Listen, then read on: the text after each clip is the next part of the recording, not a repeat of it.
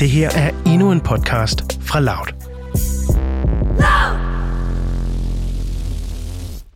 I det her afsnit af Død Kedeligt, der har jeg taget min mor med. Ja. Ja, dejligt, du vil være med, mor. Man kan sige, at vores relation er jo overraskende nok, at du er min mor. Ja. Øhm, men i forhold til emnet her med, med død og sorg og det at miste, så var det jo faktisk dig, der fortalte mig, at far var død tilbage i, i maj 2012. Øhm, og jeg kan jo huske det som, at du kommer ind i køkkenet og, og er mega ked af det og fortæller mig det, men, men vil du ikke prøve lige at forklare, fordi der er jo faktisk en historie før det. Jeg får det jo bare fra, at jeg møder dig, og du kommer ind i køkkenet og siger, at min veninde, som var der, øh, bliver nødt til at gå hjem, fordi du har noget, du skal fortælle. Men, men vil du ikke prøve at forkl- fortælle det fra, fra starten? Jo. Altså, jeg er jo på arbejde. Øh, og så er der en af mine kollegaer, der siger, at øh, der er telefon til mig. Og jeg synes jo, det er mærkeligt. Der, det plejer aldrig at ske. Øh, men øh, jeg tager selvfølgelig imod øh, opringningen. Og det er så din faster, der ringer. Og så siger hun øh, til mig, at din far er død. Og jeg, jeg forstår ingenting. Altså, det er som om klappen går ned. Og, øh, og da jeg har snakket med din faster og ligesom øh, fået lagt røret på, så spørger min kollega, hvad det var, og jeg fortæller hende det, og så siger hun, vil du ikke hjem så? Og siger nej, nej, nej, jeg, jeg bliver bare og tager min vagt. Og der går en halv times tid, og jeg godt kan mærke, jamen det kan jeg ikke. Jeg, kan, jeg bliver nødt til at tage hjem. Og så går jeg hjem, og, og ganske rigtigt, som du fortæller, så er du i køkkenet med din veninde. Og jeg beder hende om at gå hjem. Og så skal jeg fortælle dig den her forfærdelige nyhed.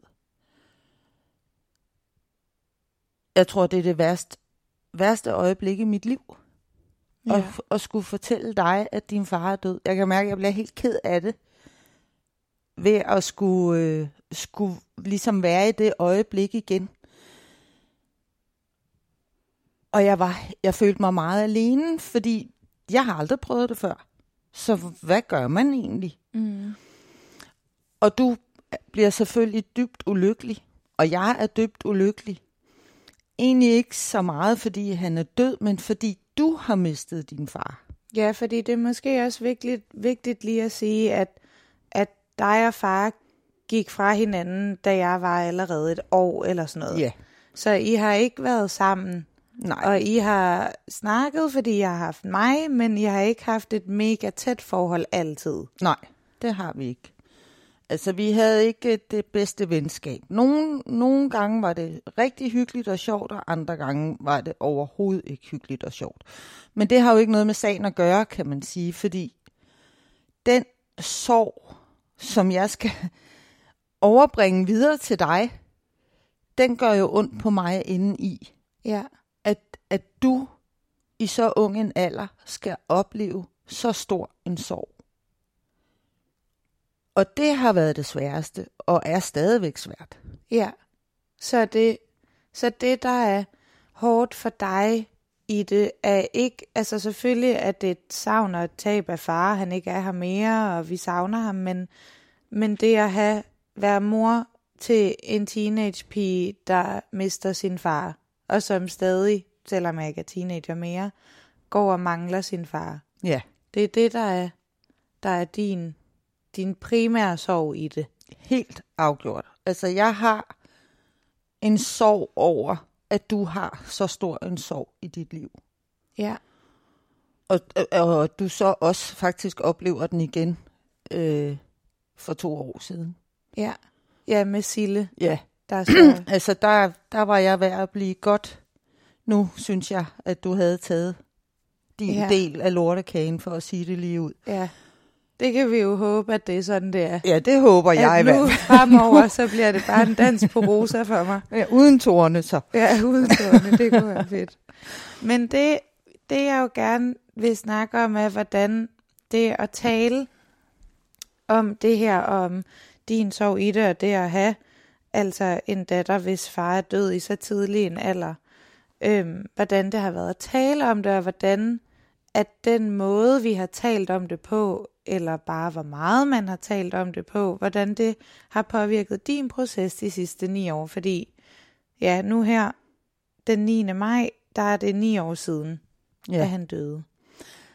I begyndelsen var det meget, meget svært, og, og jeg kunne slet ikke få kontakt til dig. Der var fuldstændig lukket.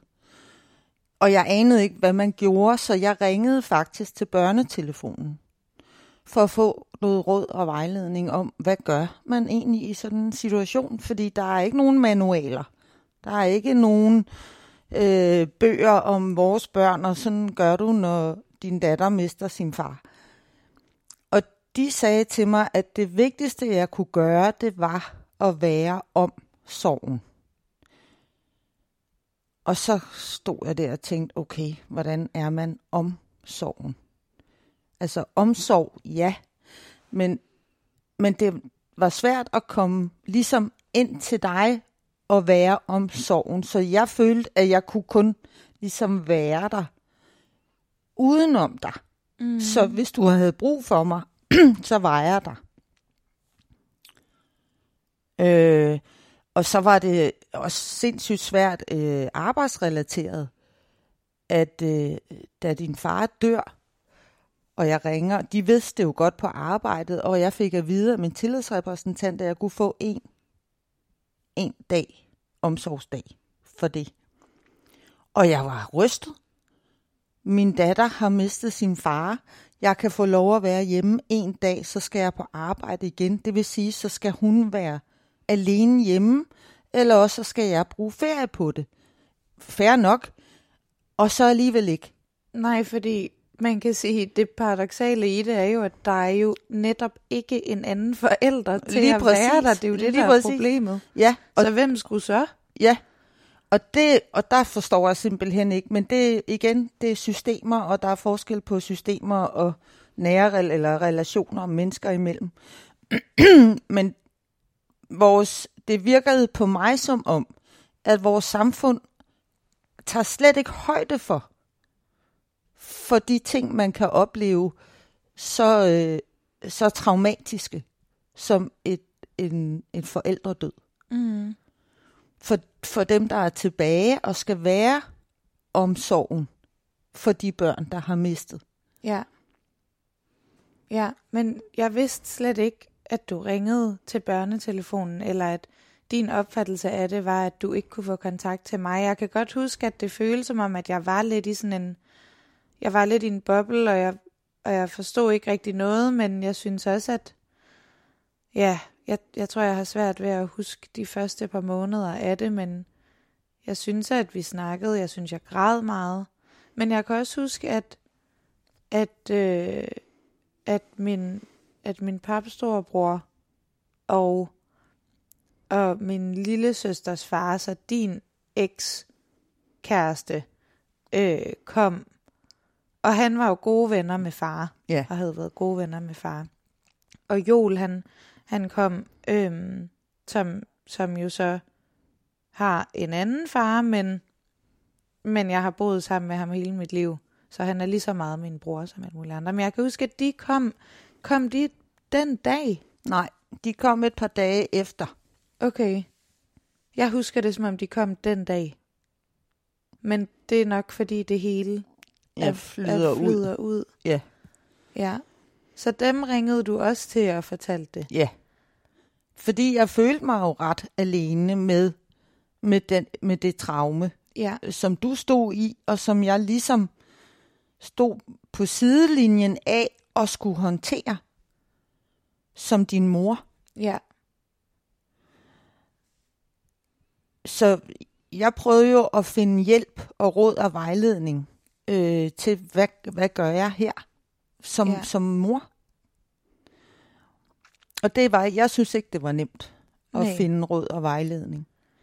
Men så noget af det første, du gør, er faktisk at prøve at række ud, både til børnetelefonen, og så ja. fortælle det til, til Joel og hans far. Ja. For at få nogen, der kan være der også og støtte. Både dig og måske også mig. Helt sikkert. Helt sikkert. Ja. Men altså, dine veninder, som kom ret hurtigt, efter jeg havde fortalt dig den rigtig dårlige nyhed, de gjorde, de, gjorde, de var fantastiske. Altså, jeg tror simpelthen, at det, at de øh, nærmest mandsopdækkede dig og prøvede at få dig med ud i virkeligheden, og hvad jeg kan huske, i noget ud i et kvarter, så var I hjemme igen, for du kunne slet ikke være i verden. Mm. Men de var der bare for dig, og jeg i dag ærger jeg mig stadigvæk over, at jeg ikke fik sendt en buket til dem alle sammen. Fordi de var simpelthen så søde og gode, og de var der bare. Ja.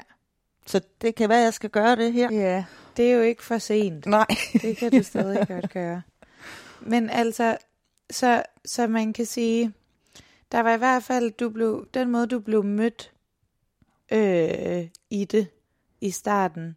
Fra arbejdspladsen var det meget, det virker meget sådan, det var meget organiseret og struktureret. Du får en dag, og sådan er det.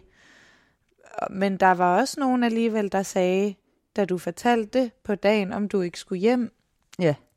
Så hvordan, hvordan følte du ellers, du, du blev mødt i det? Du siger, at det var, det var svært at få, at, at få hjælp til, hvordan at man lige gjorde det.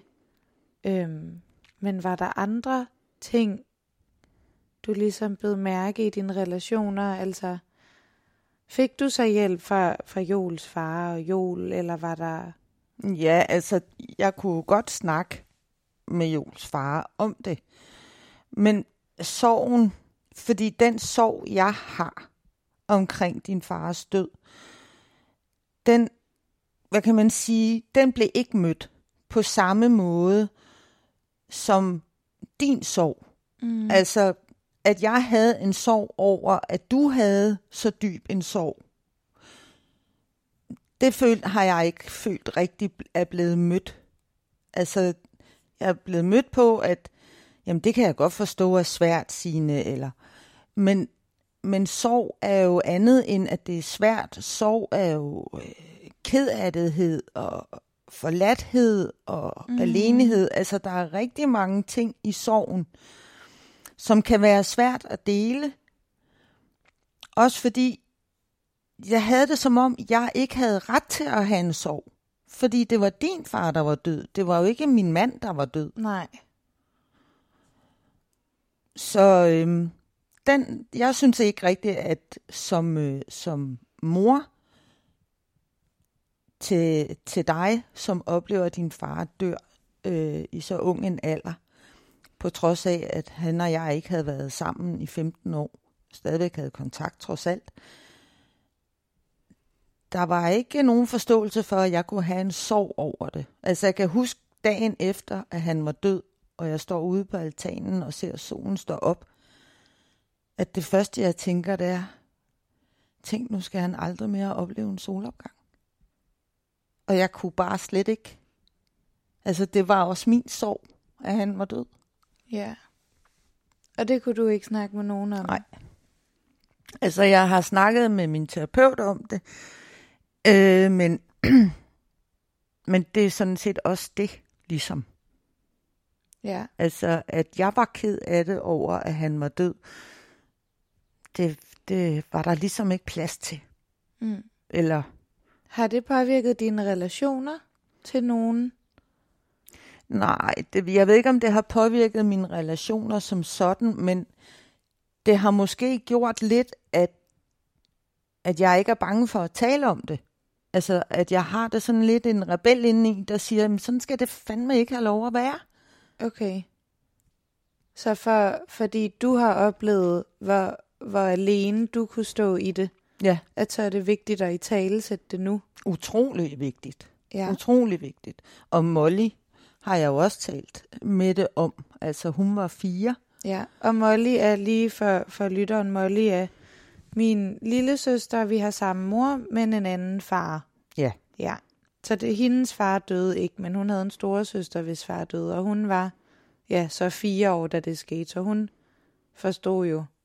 Ikke hun, så meget. Hun forstod ikke særlig meget, men hun var selvfølgelig, havde jo selvfølgelig en masse spørgsmål. Mm. Så man kan sige, om ikke andet, så kunne jeg snakke med hende om det, men det var jo mere som en forklaring ja. på, hvorfor er storesøster ked af det, hvorfor er storesøster inde på sit værelse hele tiden, ja. hvorfor vil storesøster ikke med ud i byen. Øhm, så på den måde, men jeg har også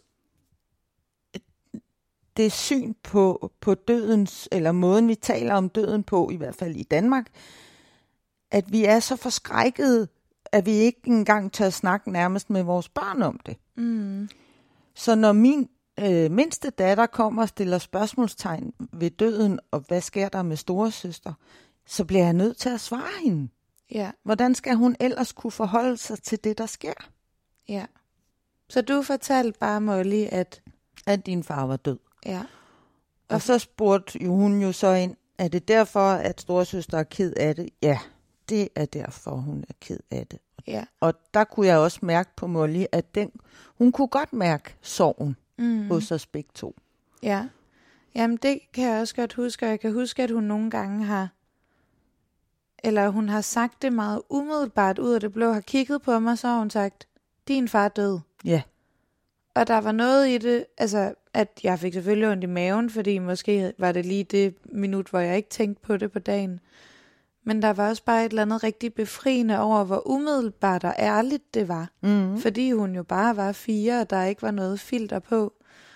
Øhm, fordi godt nok havde jeg de øh, veninder, som du også snakker om, og det var jo mine danseveninder, som jo faktisk lige var et par år ældre. Jeg tror alligevel, at de har været en ja, to-tre år ældre, så de har været en 18 år ish, ja. da jeg var 16, 18, 19. Øhm, og de var der rigtig meget og sov der på skift og, ja. og virkelig bare gjorde meget for mig, fordi de veninder, jeg havde på min egen alder, det, de kunne slet ikke relatere, at der følte jeg mig meget alene i det. Jeg kan også huske, da jeg startede i gymnasiet, var, følte jeg også, at det var vigtigt, at jeg fik sagt det, men jeg følte mig ikke rigtig mødt eller hørt i det. Og, og folk vidste ikke helt, hvordan de skulle håndtere det eller tale om Nej. det. Nej. Øhm, Men man kan jo sige, at dine veninder om nogen var omsorgen. Ja. Fordi de var hos dig. Ja. Og oven i købet på skift, så de var omsorgen. Og det, og det er det, jeg tror, der er meningen med pårørende og, og, og veninder og venner, at vi skal være om den, der har sorg. Ja. Ja. Ja, fordi at jeg har tænkt meget over her, så da Sille døde for to år siden, at jeg var bange for at blive, altså at blive mødt på samme måde, som jeg gjorde dengang. Men det er også gået op for mig, at jeg var 16, og dem i gymnasiet var også 16. Og det har været vildt svært at skulle stå og håndtere en klassekammerat, hvis far er død, når man ikke er ældre, end man er. Men nu her, jeg var 23, da Sille døde.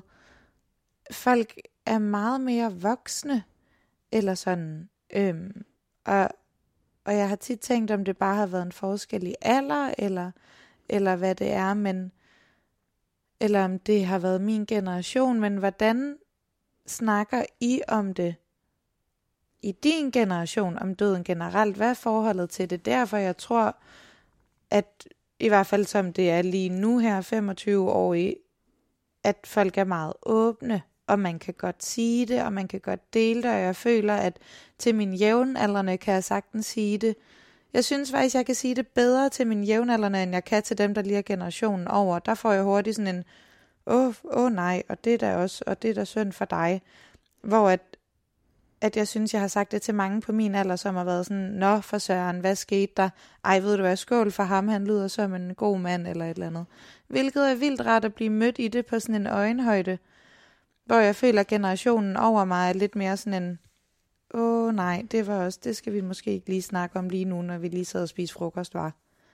Jamen det, det er det, jeg, jeg tror også, at min generation måske er lidt mere, øh, hvad kan man kalde det, forskrækket eller øh, bange for at røre ved noget så, så ømt som døden, som sorgen. Øh, altså, jeg, øh, jeg taler meget åbent om det, øh, men det er også ud fra, at jeg har en holdning til, at døden er en del af livet, og hvis vi ikke kan tale om den, jamen, hvad kan vi så tale om egentlig? Mm. Fordi vi, vi kan ikke leve uden at dø. Mm. og det er noget, vi alle sammen oplever. Øh, vores forældre dør, vores bedsteforældre dør. Altså, det er en del af det at være menneske. Lad os sætte ord på det. Lad os dele soverne. Øh, lad os holde om hinanden og trøste hinanden og græde snot om sorgen og døden. I stedet for at være så bange for at tale om det, der gør ondt. Jeg kan huske, at du sagde, at det var så dejligt med børn, fordi de siger bare tingene lige ud. Mm. Hvorimod at mange af dine jævnaldrende, de vidste simpelthen ikke, hvad de skulle sige. Og jeg tror også, at det er sådan et misforstået hensyn, man tager, fordi, åh oh, nej, jeg vil jo ikke gøre hende ked af det, mm. hvis jeg spørger, hvordan har du det? Mm. Så jeg tror simpelthen, at øh, det vigtigste, det er simpelthen bare at åbne munden, og det kan godt være svært, når man er i chok og i sorg, at ja. åbne munden. Men så må os, som er omkring, åbne munden. Ja. Og spørge, også selvom det kan lyde fuldstændig tåbeligt at sige, hvordan har du det i dag? Ja, hvordan mm. tror du? Mm. Men spørg alligevel. Ja. Fordi det viser, at du er interesseret, og du er om sorgen. Ja. Ja. Ja, fordi ja, jeg tror også, der er noget i det der med bare at være umiddelbart ærlig og sige, hvad det egentlig er, man tænker, i stedet for at føle, at det hele skal pakkes ind, så man passer på ja. den, der er i sorg, eller den, der har mistet. Fordi det, det tror jeg egentlig bare gør det værre, eller sådan har jeg følt det. Jeg kan også huske, at at min ekskæreste på et tidspunkt der sagde, at vi gik en tur og snakkede om, at min far var død, og snakkede om ham. Bare helt altså normalt om, jeg fortalte en eller anden historie, hvor han så bare sagde, åh, hvor er det træls, at han er død, altså. Ja. Yeah. Hvor jeg var sådan helt, ja, det er fandme det, det yeah. er. Yeah. Det er træls. Det er helt vildt træls, at han er død, og det var så rart at få sådan en umiddelbar, ærlig, sådan en, det ærger jeg mig godt nok over at han ikke er her mere. Det er da træls. Fordi at det også er forfærdeligt og, og ubehageligt og, og altså at miste. Men, men det var bare rart at få sådan et umiddelbart udtryk på, hvad er det træls, at han er her. Hvad vil jeg gerne have mødt ham, eller et eller andet. Ja. Øhm, men, men nu siger du, at du både, altså, at det har været vigtigt for dig bare at tale om det som en eller anden rebelsk. Det er der ikke rigtig så mange, der gør. Så det er vigtigt bare at sige det, og når så, at andre kommer og fortæller dig det, hvordan, hvordan snakker du så om det? Fordi, og har der været en forskel måske fra inden at far døde, til hvordan hvis nogen kommer og fortalte, at de havde mistet en, eller nævnt det, eller et eller andet. Ja. Og så til efter. Helt sikkert. Altså, du har lært mig rigtig meget om det. Hvordan? Jamen, fordi du, du har meldt ret klart ud, for eksempel, ej, hvor er jeg træt af, at folk ikke bare siger tingene lige ud, at de ikke tør kigge på mig. Øh, at det har jeg taget til mig og tænkt, jamen så er det det, jeg gør. Så må jeg sige tingene lige ud mm. og kigge på dig og møde dig der, hvor du er. Men hvor jeg før far dør, måske også har haft den samme berøringsangst for at snakke om død og sorg som så mange andre mennesker i min generation, og måske endda generationen før mig. Mm. Så jeg har lært utroligt meget af den proces, du har været i. Mm. Det har også været en proces for mig. Ja. Ja, for jeg føler også, at det tit har været nemmere at snakke med andre folk, der har oplevet noget i samme dur, fordi man kan relatere til det. Og jeg ved da heller ikke, hvordan jeg nogensinde ville have reageret, hvis ikke min far var død, og der var en anden på min alder, da jeg var 16, der fortalte det. Nej. Altså, jeg har ingen idé, og det er jo et eller andet sted øh, heldigt, at man ikke øh, at man ikke bliver nødt til at øh, tænke over, hvordan at man taler om døden, før det sker, men på den anden side er det også bare uundgåeligt, fordi man møder folk, der har været ude for det, og man kommer til at være i relation med folk, der har, der har været ude for noget. Og, og det er ærgerligt, at man først finder ud af, hvordan det måske er bedst at tale om det, når det sker for en selv. Ja. Men jeg tænker også, at øh, altså min mors generation, og måske også min generation, har jeg tit mødt holdningen, at børn skal ikke med til begravelser. Og hvor jeg faktisk har en anden holdning, fordi jeg tænker, jamen hvis vi ikke kan vise børnene, at vi bærer sorg og bliver ulykkelige, når vores kære dør, hvordan skal de så kunne forholde sig til døden? Mm. Hvis vi ikke snakker med dem om det, hvis vi ikke står ved, hvad den gør ved os som Ja. mennesker, når vi oplever den. Det, det synes jeg simpelthen, vi skylder vores børn. Ja. Ikke at de selvfølgelig skal tvinges med til begravelser og opleve øh, at en hel kirke, eller hvordan man nu begraver folk i dag, er ulykkelige. Men vi er ulykkelige, fordi at den, vi savner den døde. Ja. Ja, at vi klarer den. Altså efter. Altså man siger jo, at døden er værst for de efterladte. Ja. Og, det, og det, vi- jeg ved af gode grunde ikke, hvordan det er at være død. Nej. Øh, men jeg ved, hvordan det er at være efterladt. Og, og det er benhårdt, men det er endnu mere hårdt, hvis jeg ikke kan snakke med mine nære relationer om det. Ja, at hvis vi ikke, altså hvis det skal fejres under gulvtæppet, og at vi ikke anerkender, at det er der, fordi at nu snakkede vi om det her med kulturen i Danmark, og at vi er berøringsangste, men, men øh, nu døde far jo i Karibien. Han druknede i Karibien, og derfor så blev han taget hen på et hospital der. Og der tog Pernille, hans daværende kone og mine tre brødre, hun tog mine tre brødre med derhen, de var med ham ud at sejle. Øhm, og tog ind på hospitalet og sagde, de skal have lov til at se deres far. Ja. Fordi der var ikke nogen, der troede på, at far kunne dø. Han var den stærkeste mand i hele verden. Ja. Og, og, og Pernille mente, at det var, at de blev nødt til at se ham, også for at få sagt farvel og sådan nogle ting, hvilket jeg er meget enig i. Ja. Men der sagde de på hospitalet dernede, nej, de skal ikke se ham. Du skal bare sige til dem, at han er rejst væk, og så skal de nok glemme alt om ham. Nej. Og så stod hun der og var helt paf. Ja. Sagde, det kan jeg da ikke sige Nej. til dem. De skal se ham. Og så kom de ind og så ham heldigvis. Men, men dernede var det, der var det den måde, de copede med det på. Nej, bare sig, at han er rejst væk. Ja. Så skal de nok glemme det. Og det i min optik er det jo endnu værre. Så er det jo faktisk et aktivt fravalg. Ja. Han er rejst væk fra jer. Ja. Så det må du Ja. give med. Ja, Plus og hvorfor så- er han det? Ja. Hvordan skal man forklare det? Og gå resten af sit liv og håbe på, at han kommer tilbage eller vender Ja. hjem. Nej. Men, men prøv at, og alle de ting, vi lige fik listet op, det er, at et aktivt fravalg, man skal gå og tænke på, hvorfor han kommer hjem, har i deres optik jo virket som en nemmere byrde at bære end døden. Ja. Men hvis vi måske bare anerkendte det, at den var der, og det var uundgåeligt, og, og snakker med børn om det, og ikke nødvendigvis tager dem med til begravelse, men i hvert fald fortæller, at det er det her, der sker. Ja. At så kan det være, at det, at det bliver nemmere. Altså, jeg vil ønske, at min morfar, han dør, da jeg er ni år. Og, øh, og det kan jeg jo ikke forholde mig til som niårig. Men jeg får ikke lov til at komme med til begravelsen, fordi det gør man ikke. Man tager ikke børn med til begravelsen. Men i dag vil jeg ønske, at jeg havde været med som niårig. Og så kan det godt være, at det havde været voldsomt for mig at se så mange ulykkelige mennesker. Men måske havde jeg så også kunne stille min mor nogle spørgsmål mm. om min morfar. Mm. Eller om døden, som jeg så kunne få svar på. Mm. Og på den måde få at vide, at det ikke er farligt at snakke om døden.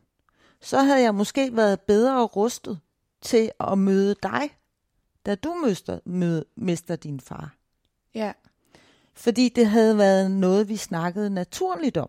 ja, Men i og med, det bliver sådan noget tysk-tysk, det skal vi ikke snakke om, og det er kun voksne, der snakker om det og sådan noget. Hvad skal børn så overhovedet gøre, mm. når de oplever det? ja. Så hvad kunne du godt tænke dig, der var anderledes i måden, vi snakker om døden på? Jeg kunne godt tænke mig, at vi stod ved, at vi synes, det er svært at snakke om døden, men snakker om det alligevel. Altså, der er så mange tabuer i den her verden, og, og det at miste er også et tabu. Mm. Man, man må jo helst ikke gøre nogen kede af det, men de er jo kede af det. Altså, man er jo ked af det, når man mister. Så vær omkring og, og, og snak øh, med den, der har mistet. Kald en spade for en spade. Altså, det andet er i min optik misforstået hensyn. Noget, jeg kan huske, som vi to, når jeg snakkede med dig om det, og så siger til dig, sød, sød skat, det skal nok gå det hele. Du blev simpelthen så vred på mig, at jeg skulle bare tige stille med, det hele nok skulle gå, for det kom aldrig til at gå igen. Og det kan jeg godt forstå. Jeg kan godt forstå din reaktion på mm. det tidspunkt. Men det var jo et måske forkvaklet forsøg på at trøste dig. Jeg ved det ikke. Men som voksen og har prøvet nogle ting, jeg har prøvet nogle ting i mit liv, som har lært mig, at vi kan, vi kan komme igennem rigtig meget traumatisk, hvis vi taler om tingene. Ja. Hvis vi skal gå med det alene, så holder vi ikke særlig længe. Mm. Nej. Så vær åben. Ja, og stå ved, at du synes, det er svært. Altså, jeg kunne måske også, jeg ved ikke, hvordan det var, om det var blevet mødt af dig, men hvis jeg havde sagt til dig, søde skat, jeg synes, det er svært at tale om det her med dig, for jeg ved ikke, hvordan man gør. Mm. Om du havde kunne bruge det til noget, eller om du bare havde tænkt, det er fandme ikke mit problem, det er mig, der har sorg her. Ja. Men Ja. derfor synes jeg stadigvæk, at jeg godt kunne have været ærlig og stået ved, at det også var svært for mig mm. at snakke om.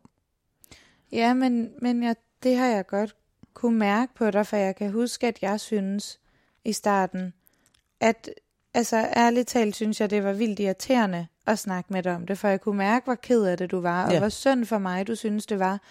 Og jeg havde bare ikke brug for, at der var nogen, der syntes, det var synd for mig. Jeg var godt klar over selv, at det var synd for mig, at min far var død. Jeg havde bare brug for en, der var der og greb mig, når jeg faldt og passede på mig. Men hvis du heller ikke har kunne have nogen, der kunne rumme din sorg eller følte dig mødt i det, så har det hele jo bare været koncentreret rundt om dig og mig. At når jeg så, hvis du ikke har fået afløb for, at du kunne snakke om, at det var hårdt at have en datter, hvis far var død og skulle stå og være mor til det. Når jeg så er kommet og har sagt, at jeg er ked af, at over far er død, så har det jo bare magnifieret hele den sorg, måske. Eller hvad? Hvordan har din oplevelse af at snakke med mig om det været øh, i Øh, starten? Primært hjælpeløshed. Ja. Fordi jeg, som sagt, altså jeg kunne ikke lige slå op på side et eller andet, og så se, Nå, så gør du det, og så gør du det, og så gør du det, og så er du home free. Sådan fungerer det ikke. Mm-hmm. Men havde jeg kunne, havde jeg lært for inden det sker, jamen vi taler om tingene, vi, vi taler også om det, der gør ondt at tale om, Mm. så havde jeg måske også kunne tale med dig om det på en anden måde. Og måske også øh, været mere ærlig og sagt, ja, Mathilde, jeg, bliver, jeg er simpelthen så ulykkelig på dine vegne over, at du har mistet din far. Men jeg er her. Mm. Og hvis jeg er ked af det, så er det fordi, du har mistet din far, og det, det giver mig en sorg. Mm. At det havde du måske bedre kunne bruge, at jeg havde været ærlig og sagt, hvordan jeg havde det. Og så kunne vi måske græde sammen. Ja. I stedet for, at jeg har siddet og skulle prøve at være stærk og, og være den her om sorgen person, uden at vide, hvordan man gør det. Mm. Så, så det, vil- jeg vil ønske, at jeg havde været mere ærlig og mindre berøringsangst. Ja. Og synes du så, at der er noget, der har ændret sig? Altså fra, nu er der jo både, der er jo både gået noget tid, og man er måske også blevet mere øvet i at snakke om det, men jeg er også blevet ældre. Altså, så da jeg var 16, havde du måske mere et forældreansvar i, at jeg ikke øh, kunne klare mig selv helt, eller som man måske kan, når man er 25.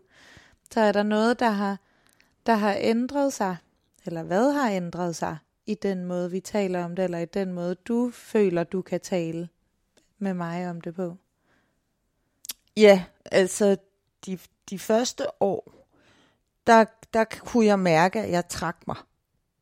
At jeg ville hellere bare stå til rådighed, når du havde brug for mig, i stedet for at ligesom, hvad kan man sige, gå til dig og, og spørge ind til dig. Fordi det var svært for mig, og jeg følte mig ofte afvist, når jeg forsøgte at trøste dig. Mor, hold nu op med at sige, at det hele nok skal gå. Oh, fuck mand, hvad skal jeg nu gøre? Hvad skal jeg så komme med? Ikke? Mm. Så jeg synes, det var svært. Og så kunne jeg også godt mærke, hvilket er fuldstændig forståeligt og naturligt, at det bånd, du ligesom så fik til Pernille og, og drengene, det blev stærkere og stærkere, hvor jeg synes, båndet til dig mellem os to blev sværere og sværere. Så det var også en svær ting at stå i. Øh, heldigvis kan Pernille og jeg godt lide hinanden og kan snakke sammen og kan grine sammen i dag, og har kunnet det øh, faktisk de sidste ni år. Mm.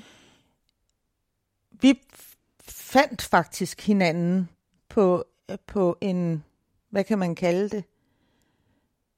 Ja, da, altså da far dør, der begynder Pernille og jeg faktisk også at finde hinanden. Mm. Så på den måde har det jo også bragt rigtig meget øh, godt med sig. Men øh, den, jeg, jeg følte mig meget alene, men jeg var rigtig, rigtig glad for, at Pernille var der. Jeg var rigtig, rigtig glad for, at, øh, at du kunne få øh, hjælp så hurtigt. Altså, det, det var ret hurtigt. Jeg tænkte, at hvis Mathilde vil, så skal hun have noget professionel hjælp. Ja, hvor hurtigt, hvor, hvornår begyndte jeg på det? Oh, hvor kort tid skal, efter? Ja. Jeg tror altså ikke, der gik særlig langt. Jeg tror, måske maks et halvt år eller sådan noget, tror ja. jeg. Det var ret hurtigt efter. Ja. Og det tror jeg har været rigtig godt. Ja. At du tog imod det tilbud, og at jeg erkendte over for mig selv, jeg kan ikke løfte den her alene. Mm.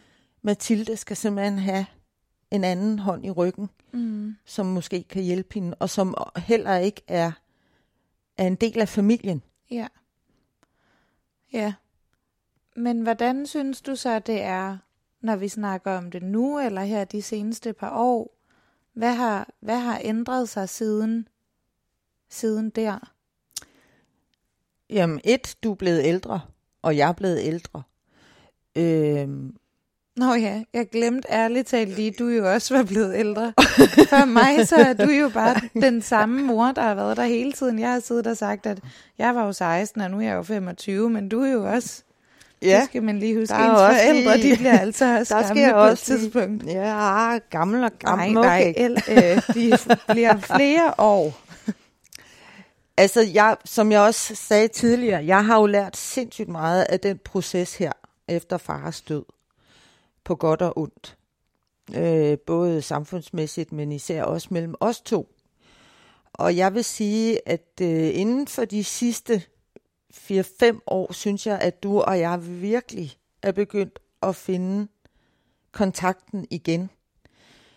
Øh, det, nu er det jo også et meget specielt tidspunkt, at far dør på i dit liv. Du er 16 år, du står på tærskelen til selv at skulle flyve fra redden, og skal ud og prøve vingerne af, og hvordan kan det overhovedet gå? Det var første gang for mig at prøve at, at have et barn, der fløj fra redden. Så der sker rigtig meget på samme tidspunkt. Du er i gang med at løsrive dig fra det at være barn til nu at være selvkørende voksen. Med den sorg og det traume i, i rygsækken.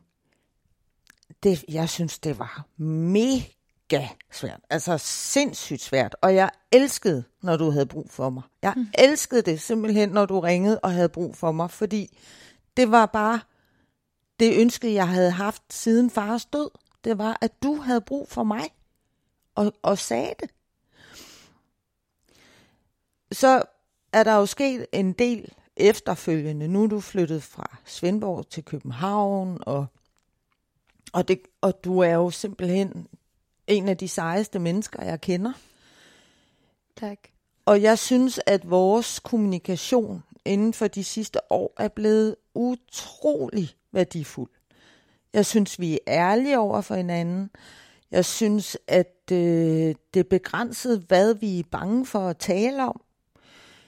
Og det giver mig håb, og det giver mig glæde og, og stolthed, at vi er nået dertil, fordi det kunne lige så vel have gået den helt anden vej. Mm. At vi slet ikke kunne snakke sammen, og var totalt berøringsangste over for hinanden. Og sådan oplever jeg det ikke. Nej, det gør jeg heller ikke. Og jeg er lykkelig for, at du er ærlig over for mig. Fordi så ved jeg også, at jeg kan være ærlig over for dig. Ja, det er jeg glad for, mor. Synes du, at der har været en forskel i, hvordan, hvordan vi har kunne tale sammen om døden, da far døde, og så da Sille døde? Fordi der kom jeg jo også her hjem med det samme. Det Der var jeg jo så i København, da jeg fik det at vide, hvor Ja. at jeg var jo hjemme ved dig i Svendborg, da jeg fik at vide, at far døde, men jeg kom med det samme herhjem og var her i, i, i lang tid også, så op til begravelsen og så videre, hvor vi jo også har snakket om det. Ja. Hvad har været, hvad har været forskellen på de to tab i måden, vi har i tale sat det? Jamen forskellen har jo været, at Sille var din bedste veninde. Og jeg ved, hvad en bedste veninde betyder for en. Og jeg kan slet ikke forestille mig, hvordan mit liv skulle være, hvis jeg mistede min bedste veninde. Altså, det tror jeg ville være også en... U- Jamen, jeg kan slet ikke forestille mig, hvor stor og dyb en sorg det må være. Mm. Øhm, men samtidig, så når far dør, så har jeg ligesom en andel i fars død, fordi vi har dig sammen. Og det, at han dør, gør, at jeg lige pludselig er alene om dig. Altså, man kan så sige, heldigvis har Pernille og jeg så fundet hinanden, så nu er vi sammen om dig ligesom. Ja. Men det, det var benhårdt med far, og at jeg var alene med dig på det tidspunkt. Men da Sille dør, og det er din bedste veninde, der dør, så har jeg ikke den samme sorgfølelse, som da far dør. Nej, for du står måske lidt mere på sidelinjen. Eller altså sådan, du er måske ikke lige så har en andel i det, som du siger, synes jeg var meget godt øh, øh, en god måde at sige det på. Du har jo ikke så meget en andel i, at Sille dør andet, end at jeg selvfølgelig er ked af det, jeg er din Lige datter, præcis. men Plus, at jeg havde jo også lært, jeg havde jo også lært, og har jo også lært rigtig meget af, at far døde. Netop om at være omsorgen, og hvordan man kan gøre det. Dine veninder har jo også vist mig det, kan man sige. mm, Deres måde at være omsorgen på, da far dør. Øh, da Sille dør, gør det mig selvfølgelig ulykkelig på dine vegne, og på Chris' vegne, og Evas vegne. Men det er slet ikke, jeg har slet ikke en sorg på samme måde, som jeg havde, da far døde. Jeg, havde, jeg var ked af det på din vegne. Jeg var ulykkelig på din vegne, men ikke så tung og sorgfyldt, som da far dør. gjorde det, at det var nemmere at tale med mig om det? Ja, igen fordi, at, at far og jeg havde, har en andel i dig, mm. hvor at jeg havde ikke rigtig noget med Sille jo andet, end hun var din bedste veninde. Mm. og jeg vidste, hvor højt I elskede hinanden. Så det var ikke, det var ikke den samme slags sorg øh, på dine vegne, jeg havde over Sille. Der var jeg sgu mere vred på, på universet, eller verdenen, eller hvad man skal sige, fordi jeg synes, det var fandme uretfærdigt. Du havde, nu var du lige på vej igennem Mm. sorgen over far, og så skal du fandme ned og ligge igen. Altså, jeg var- synes bare, det var så uretfærdigt. Ja. Og det synes jeg stadigvæk i dag. Altså. Ja.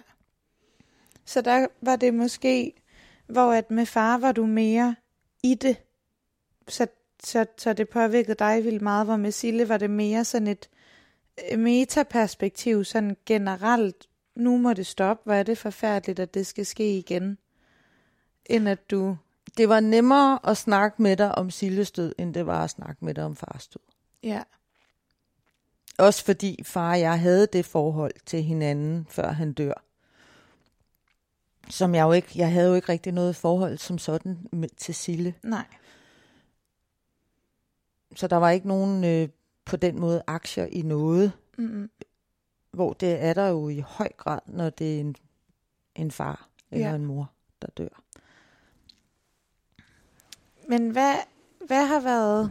Har der været en forskel på at snakke med oldemor om det, og så snakke med, med mig om det, de her to situationer? Fordi oldemor, min oldemor, din mormor, som bliver 97 i juli, hun er jo gammel. Hun er frisk af en 97-årig og være og bor for sig selv og øh, Ja.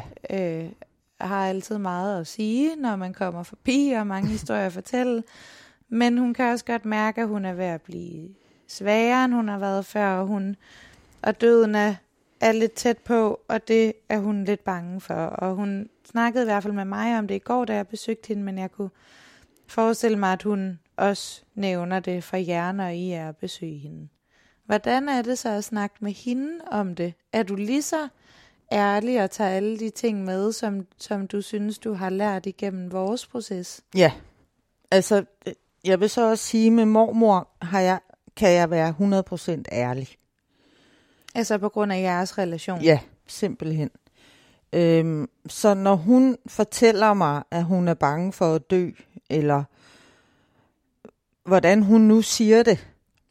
Altså hun har jo ikke planer om at dø forløbig. Så længe Gud ikke har fået styr på den verden her, så skal han ikke forkæles med hendes selskab. Men jeg vil så også sige, Så at går der sgu noget tid endnu. ja, så, så bliver hun nok en 200 år. Nej, altså jeg tror også, det er en måde, hun siger til mig på, at hun er så bange for at dø. Og vi snakker også om døden. Og jeg øh, fortæller hende, når jeg har hørt historier, nærdødsoplevelser. Jeg prøver at berolige hende. Men det er jo svært, for jeg ved jo ikke, hvad det vil sige at dø.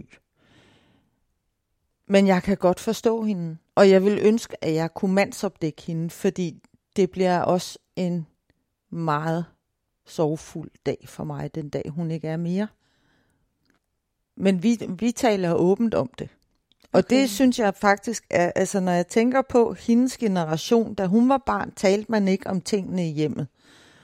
Og da min mor var barn, talte man ikke om tingene i hjemmet, men det skal jeg da sørge med love for, at mormor hun har fået ændret, for nu taler vi om tingene. Ja, Og det er så godt. ja, Og det gør jo også, at man får endnu tættere relationer. At vi tør også tale om de ting, der er svære. Så det, det synes jeg er. Ja. Er der en forskel i, hvordan I taler om det? Og så hvordan du taler med mig om... Det er jo sikkert også anderledes, fordi at når du taler med mig om døden, er det, at far eller Sille er død. Men når du taler med oldemor om døden, er det, at hun er tæt på at dø. Ja. Jamen, det er to, øh, to forskellige slags øh, død, død, kan man måske kalde det. Eller situationer. Men ændrer du din tilgang til det? Fordi det er en Ja, anden situation. Altså, jeg, jeg, øh, jeg vælger at være meget øh, nøgtern, når jeg snakker med mormor om døden. Fordi jeg har ikke lyst til at, øh, at tage soverne på forskud, for at sige det. Jeg vil, jeg vil gerne vise hende, at, det, at hun betyder meget for mig. Og jeg siger det også til hende, at jeg elsker hende, og at hun er den, der har, har været der allermest i mit liv. Øhm, så hun ved, at hun er værdsat. Det er også noget af det, jeg har lært. At man skal huske at fortælle de levende, at man Ja. elsker dem. Ja. Fordi når de er døde, så kan du ikke. Mm-mm. Og det, det skal oldemor, eller mormor, min mormor, det får hun at vide ofte. Men jeg ved, at hun er bange for at dø, og jeg kan ikke, jeg kan ikke gøre hende mindre bange, men jeg kan lytte. Og jeg kan spørge ind til, hvad det er, hun er bange for. Og jeg, og jeg er ikke bange for at spørge ind til. Mm.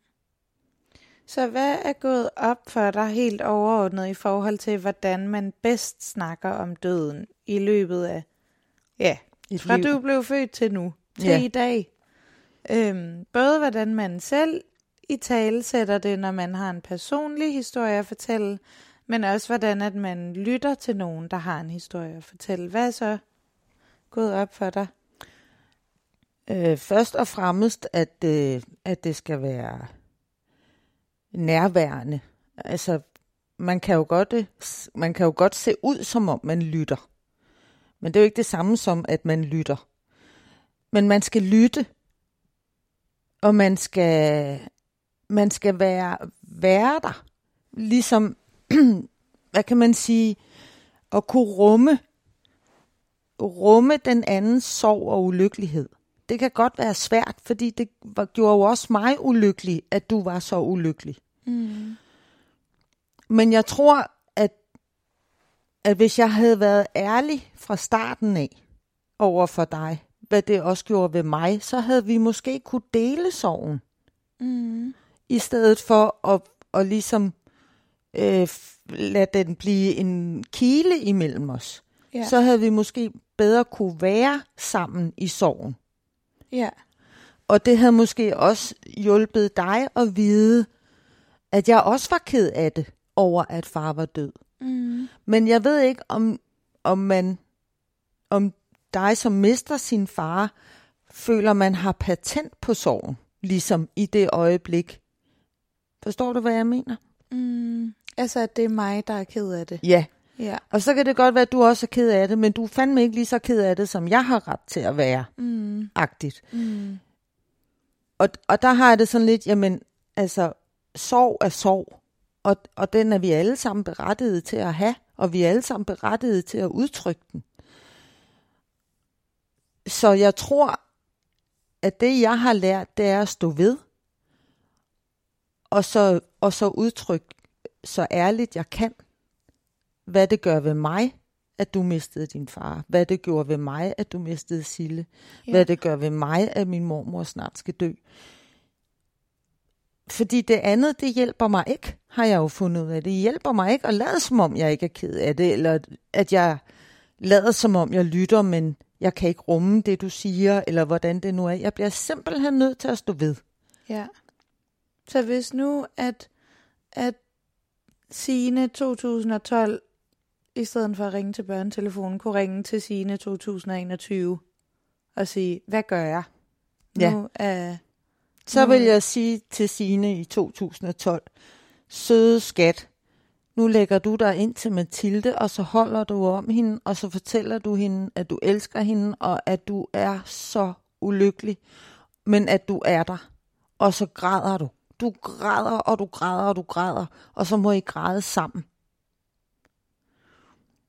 er det det, der betyder at være om sorgen, tror du? Jeg tror, det betyder at være der for den, der har mistet. Også selvom den, der har mistet, ikke vil have en i sin nærhed. Jamen så nærmest, så bare lig der og hold om. Og lad være at snakke, så bare lig og hold om at være til rådighed. Kærlig om sorg. Ja. Det tror jeg er det eneste rigtige. Kærlig, ærlig omsorg. Fordi så ved du også, så, som hende, der har mistet, du ved også, hvor du har mig henne. Ja. Og skal ikke gå og gætte, om mor bliver ked af det, hvis jeg siger det til hende, eller hun måske ikke har lyst til at snakke om det i dag. Jeg tror, at vi havde, så tror jeg, at vi havde fanget hinanden ret hurtigt, Ja. hvis jeg havde ture og være ærlig. Og ikke taget misforstået hensyn. Ja. Så det, det vil jeg mene. Og så synes jeg også bare, tal med børnene for Guds skyld. Tal med børnene om død. Fordi den er her. Vi kan ikke undgå den. Mm-mm. Og hvis vi ikke fortæller og snakker med børnene om den, så bliver de stadigvæk, og som mange af os i min generation er, berøringsangste over at tale om det, der er svært at tale om. Mm. Det tror jeg var det. Men jeg synes godt nok, at det var en god snak, mor. Nå, det var er jeg godt. Jeg er også for. rigtig glad for den snak her. jeg synes, jeg har fundet ud af mange ting, som jeg slet ikke vidste om, om os og vores relation egentlig. Men det har været dejligt. Ja, det har det. Så tak, fordi du ville være med, mor. Altid. Det er jeg glad for. Altid.